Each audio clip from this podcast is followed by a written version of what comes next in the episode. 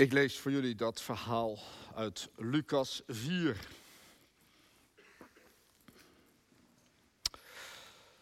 Vervuld van de Heilige Geest trok Jezus weg van de Jordaan. En geleid door de Geest zwierf hij veertig dagen rond in de woestijn, waar hij door de duivel op de proef werd gesteld. Al die tijd at hij niets. En toen de veertig dagen verstreken waren, had hij grote honger. De duivel zei tegen hem, als u de zoon van God bent, beveel die steen dan in een brood te veranderen. Maar Jezus antwoordde, er staat geschreven, de mens leeft niet van brood alleen. Toen bracht de duivel hem naar een hooggelegen plaats en liet hem in één en hetzelfde ogenblik alle koninkrijken van de hemel zien. De duivel zei tegen hem, ik geef u de macht over dat alles en ook de roem die ermee gepaard gaat, want ik kan erover beschikken en ik geef het aan wie ik wil. Als u in aanbidding voor mij neervalt, zal dat allemaal van u zijn. Maar Jezus antwoordde, er staat geschreven, aanbid de Heer uw God, vereer alleen Hem. De duivel bracht Jezus naar Jeruzalem en zette hem op het hoogste punt van de tempel en hij zei tegen hem, als u dan de zoon van God bent, spring dan naar beneden. Want er staat geschreven, zijn engelen zal hij opdracht geven om over u te waken.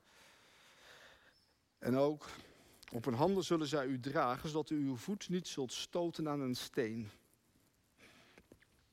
Maar Jezus antwoordde, er is gezegd, stel de Heer uw God niet op de proef. Toen de duivel Jezus aan al deze beproevingen had onderworpen, ging hij voor een tijd bij hem vandaan. Tot zover.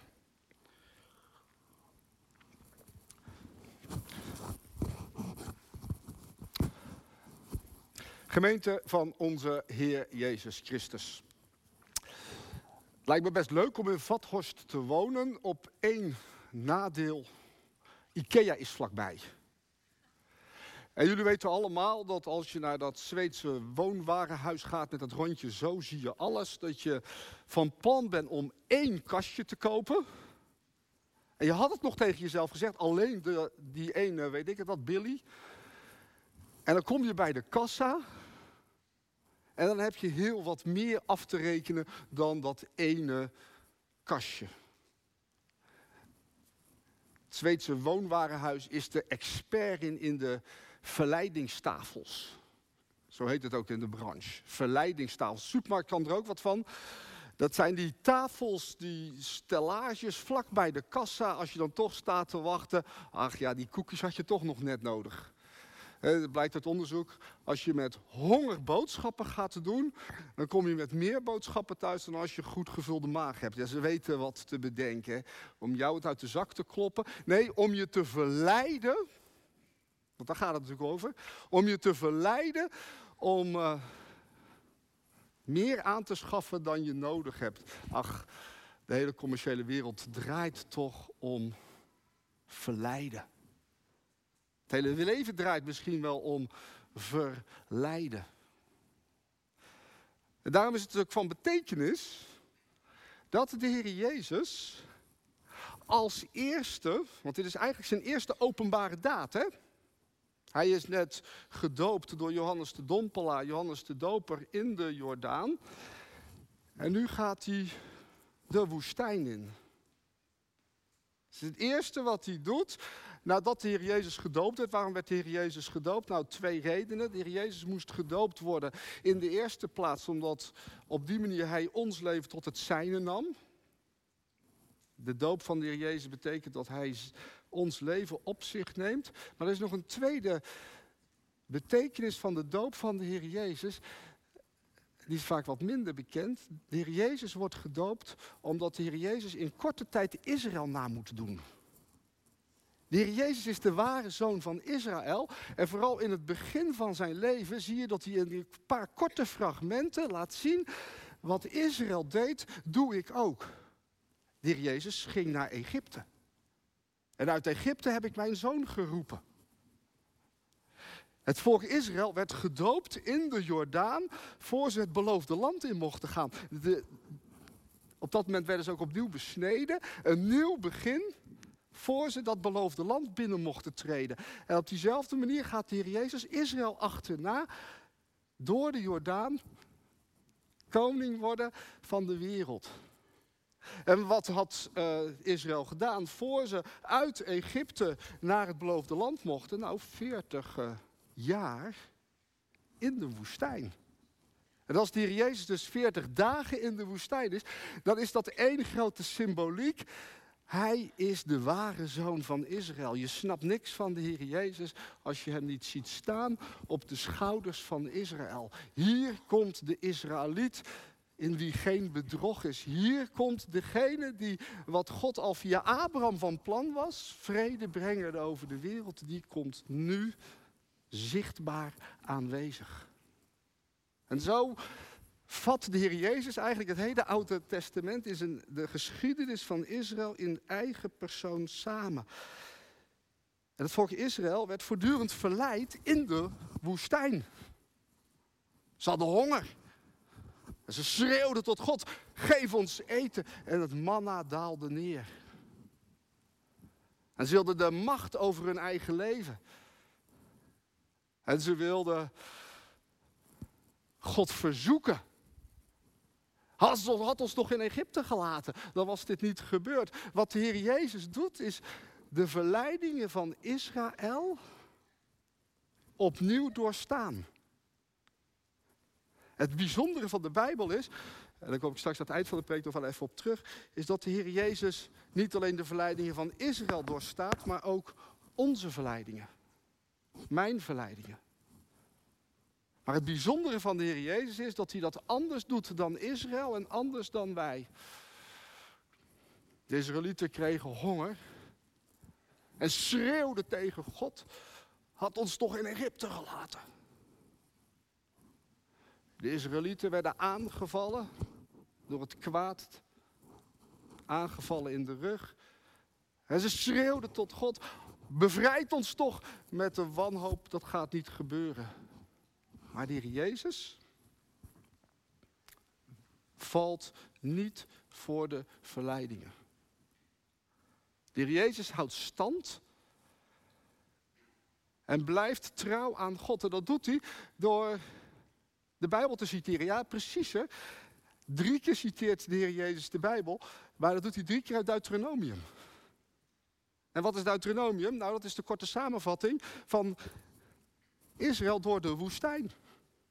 De Heer Jezus laat dus in alles in dit verhaal zien dat hij de ware zoon van Israël is, maar dat hij stand houdt tegenover de verleidingen. En dat vind ik zo bemoedigend, want eh, ik heb ook verleidingen, ja, niet alleen uh, bij Ikea, bij mij is dan meer de verleiding. Hoe voorkom ik dat mijn vrouw naar Ikea gaat? Dat is dan meer mijn verleiding. Als, ik die, als we die met elkaar weten te doorstaan, dan redden we dat wel. Maar die, die veel diepere verleidingen waar het hier over gaat. Waar ik ook elke keer weer in, in val. De verleiding van geïrriteerd op mijn kinderen reageren. Eerst drie weken kerstvakantie. Dan weer zo'n beetje quarantaine erachteraan. Man, oh man. De verleiding van seks. De verleiding van het verkeerde kijken. De verleiding van macht uitoefenen over mensen. Ik, ik ga elke keer onderuit. Wat een zegen dat ik dan zeker weet dat er één iemand ooit op deze wereld is geweest die namens mij de verleidingen weerstaan heeft. Dat hij net als ik is verzocht, dat hij namens mij is verzocht, dat hij wel stand heeft gehouden. In de preek die de schrijver van de Hebreeën houdt, zegt hij dat zo mooi samenvattend. Hij zegt, wij hebben een hele hooggeplaatste hoge priester die de hemel is doorgegaan. Jezus, de Zoon van God. En nou moeten wij vasthouden aan het geloof dat we beleiden. Want de hoge priester die wij hebben, is er één die met onze zwakheden kan meevoelen. Juist omdat hij, net als wij, in elk opzicht op de proef is gesteld. Met dit verschil dat Jezus niet vervallen is tot zonde. Dat is een letterlijk citaat uit Hebreeën. Dus dat is de bemoediging. Als ik verzocht word, dan weet ik dat de Heer Jezus verzocht is net als ik. Hij, hij, hij snapt het zelfs. Maar hij heeft stand gehouden en dat helpt mij om me ook te verzetten tegen die verleidingen. De Heer Jezus wordt verzocht net als wij.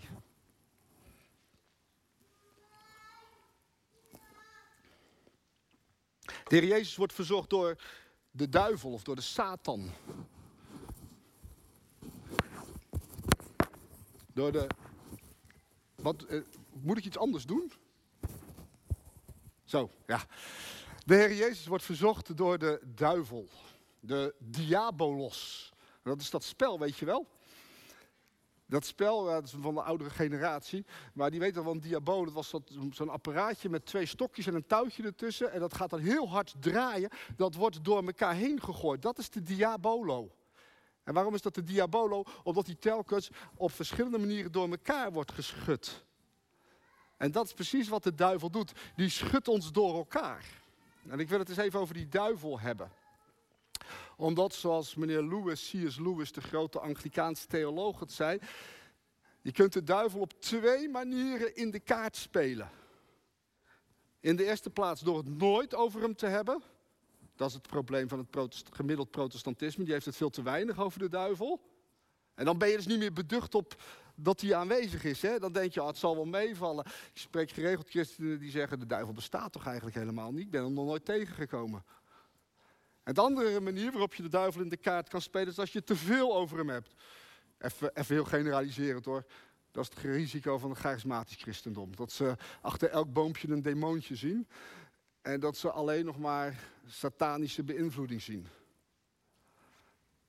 Zoals een vriend van mij in de evangelische kerk zei toen ze bij het zoveelste probleem zeiden... we moeten bidden tegen de duivel. Dat hij zei, misschien kunnen we ook even praktisch het organiseren... hebben van deze aanval geen last meer. En ergens daarin zit het goede midden... Maar wij zijn hier protestanten, dus wij kunnen het wel eens wat. Voor ons is het belangrijk om het eens wat vaker over de duivel te hebben. Want er is persoonlijk kwaad. wat jou en mij in de greep kan krijgen. 25 was hij. En hij vertelde mij dat hij ooit 18 was, in zijn bed lag. En een donkere aanwezigheid in zijn slaapkamer ervoer. En dat hij toen zei, je mag wel in mij wonen. En hij zei, en vanaf dat moment is mijn leven telkens weer opnieuw kapot gegaan. Elke baan die ik deed, werd een mislukking. Elke relatie die ik aanging, liep uit op een scheiding en verdriet. Als ik terugkijk, zie ik in die zeven jaar, van mijn 18e tot mijn 25e, dat dat het effect is geweest van wat ik toen heb gedaan. Kan ik er vanaf? Natuurlijk kan je er vanaf. Als we het nu even over de duivel hebben, doen we dat in de zekerheid dat de duivel aan het kruis verslagen is. Als Jezus sterft, is dat de doodsteek voor de duivel. Als je, we hebben gebeden voor hem. En nog een keer en nog een keer. De duivel heeft het niet zomaar gewonnen. Maar als je weet dat Jezus overwonnen heeft, dan weet je dat als je te maken hebt met de duivel in eigen persoon, dat die eraan gaat. Als je tenminste schuilt achter Jezus die alle verleidingen doorstaan heeft. Ik zou je echt willen vragen, en je op het hart willen drukken, als jij het gevoel hebt dat er een, iets in jouw leven is van die zwarte aanwezigheid, zoek hulp. Laat voor je bidden. Want de duivel is een reële aanwezigheid. Maar we hoeven er niet bang voor te zijn. En tegen jonge mensen zeg ik, pas, en tegen oude mensen ook, pas alsjeblieft op om je niet op dat pad te bewegen waar je te maken krijgt met die satanische beïnvloeding. En in onze samenleving is het meest verleidelijke is zo'n verjaardagsfeestje waar iemand op een gegeven moment zegt, glaasje, zullen we eens glaasje gaan draaien? Dat is de meest lastige manier om nee te zeggen, zeker als je jong bent. Maar ook de, je hebt zo vaak verhalen gehoord van mensen die zeiden, ik heb glaasje gedraaid de eerste keer. Was het zo leuk en er gebeurde echt wat. En de tweede keer was het ook nog leuk, maar de derde keer voelde ik dat er iets kouds en het pakte me beet. En sinds die tijd merk ik dat het niet goed in mijn leven zit. Dit is de meest voorkomende manier waarop in onze samenleving op dit moment de duivel mensen soms in hun greep probeert te krijgen. Als je jong bent of oud, doe het niet. Blijf erbij weg. Er zijn andere manieren, maar daar blijf ik nu maar even bij weg. De duivel is een realiteit in ons bestaan. Als hij in de Bijbel zo voorkomt, waarom zou hij dat nu niet meer doen? We kunnen niet genoeg waarschuwen, maar wel waarschuwen, nog twee kanttekeningen erbij, in de zekerheid dat Jezus al lang overwonnen heeft.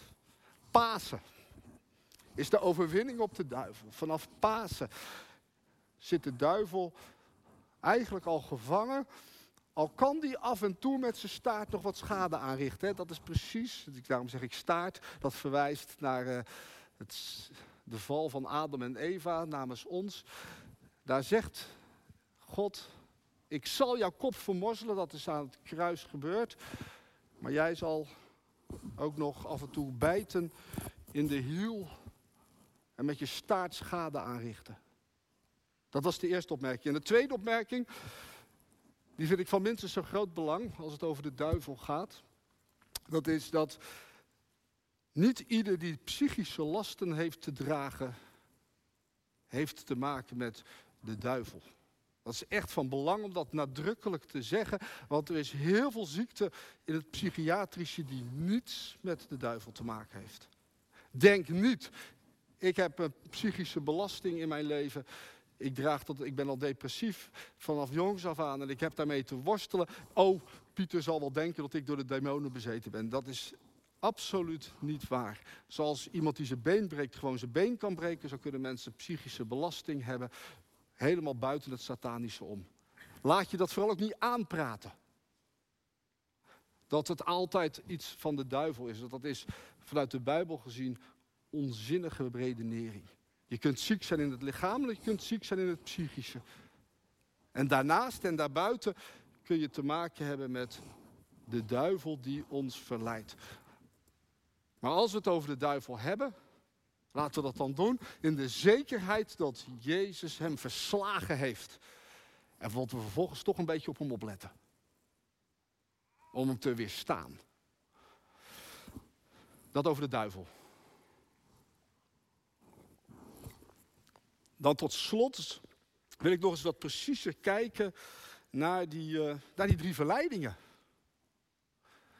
En eens kijken of het ons lukt om die verleidingen naar onszelf toe te halen. Want die drie verleidingen die staan voor hoe het volk Israël verleid werd in de woestijn. Maar het volk Israël, dat staat ook model voor wie wij zijn. Hoe worden wij verleid? En wat zegt deze wat zeggen deze verleidingen over mijn leven? Tim Keller zegt, er zijn drie grote verleidingen. Geld, geld macht en seks. Dat zijn de afgoden van onze tijd. Nou, twee zitten er denk ik al in. Geld. Maak toch stenen, van deze stenen toch brood. Als je honger hebt en als je dat iets breder maakt, dan gaat het over al het materiële. Want de Jezus zegt, de mens leeft niet van brood alleen, maar leeft ten diepste van het woord van God. Dit gaat over de verleiding waar onze samenleving massaal voor gevallen is. De verleiding dat je met je spullen iemand bent. Dat je identiteit bepaald wordt door de jas, de schoenen die je draagt.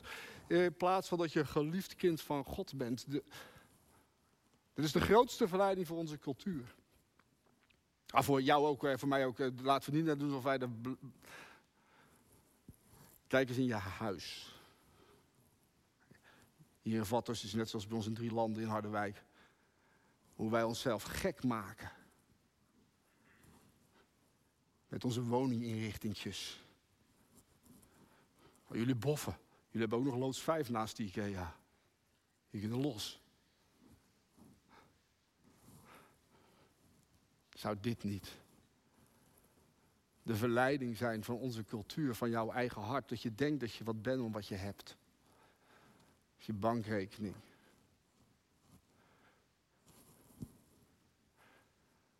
Laat het ronduit een satanische verleiding noemen. Dat je niet meer los kan van wat je hebt. En denk dat je altijd maar meer moet. De red race naar boven, waar onze cultuur vol van is. En waar de meeste christenen vrolijk aan meedoen. Tweede verleiding. Dan hoef je echt niet alleen voor naar Den Haag te kijken met de plusklevers. Dat mag je niet zeggen natuurlijk. Gaat toch net zo goed voor jou en mij ook. Hoe ga je om met macht? Hoe ga je om met invloed? Hoe ga je om met de plek die je hebt en waar je mensen kan beïnvloeden? Ja, dat geldt dan voor de juf op school. Hè? We hebben twaalf jaar op de middelbare school gewerkt en ik uh, ben er terugkijkend op een les best op betrapt. Dat ik niet bezig was met de leerlingen beter te maken in het vak, maar meer met mijn eigen positie te versterken. Geldt er ook voor de leidinggevende in een bepaald bedrijf. Kom op zeg.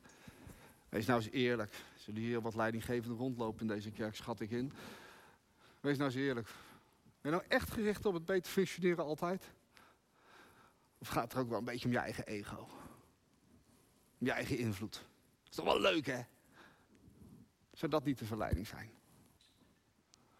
Van die macht, die invloed.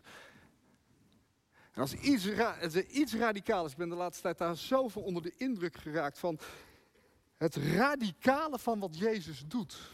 Wat mij betreft is de centrale tekst in het Nieuwe Testament, is Filippenzen 2, waar het gaat over God zelf, die alle macht loslaat, leeg wordt, als mens geboren wordt en als mens verschenen heeft hij zich vernederd tot slaaf en is gestorven de dood aan het kruis. God kiest ervoor om alle macht los te laten en Paulus zegt daarbij in Filippenzen 2, en jullie moeten hetzelfde doen. Jullie moeten die mindset hebben. Net als Jezus worden die het ons heeft voorgedaan. Weg bij alle macht. En gericht op het dienen van de ander. En dan die laatste verleiding.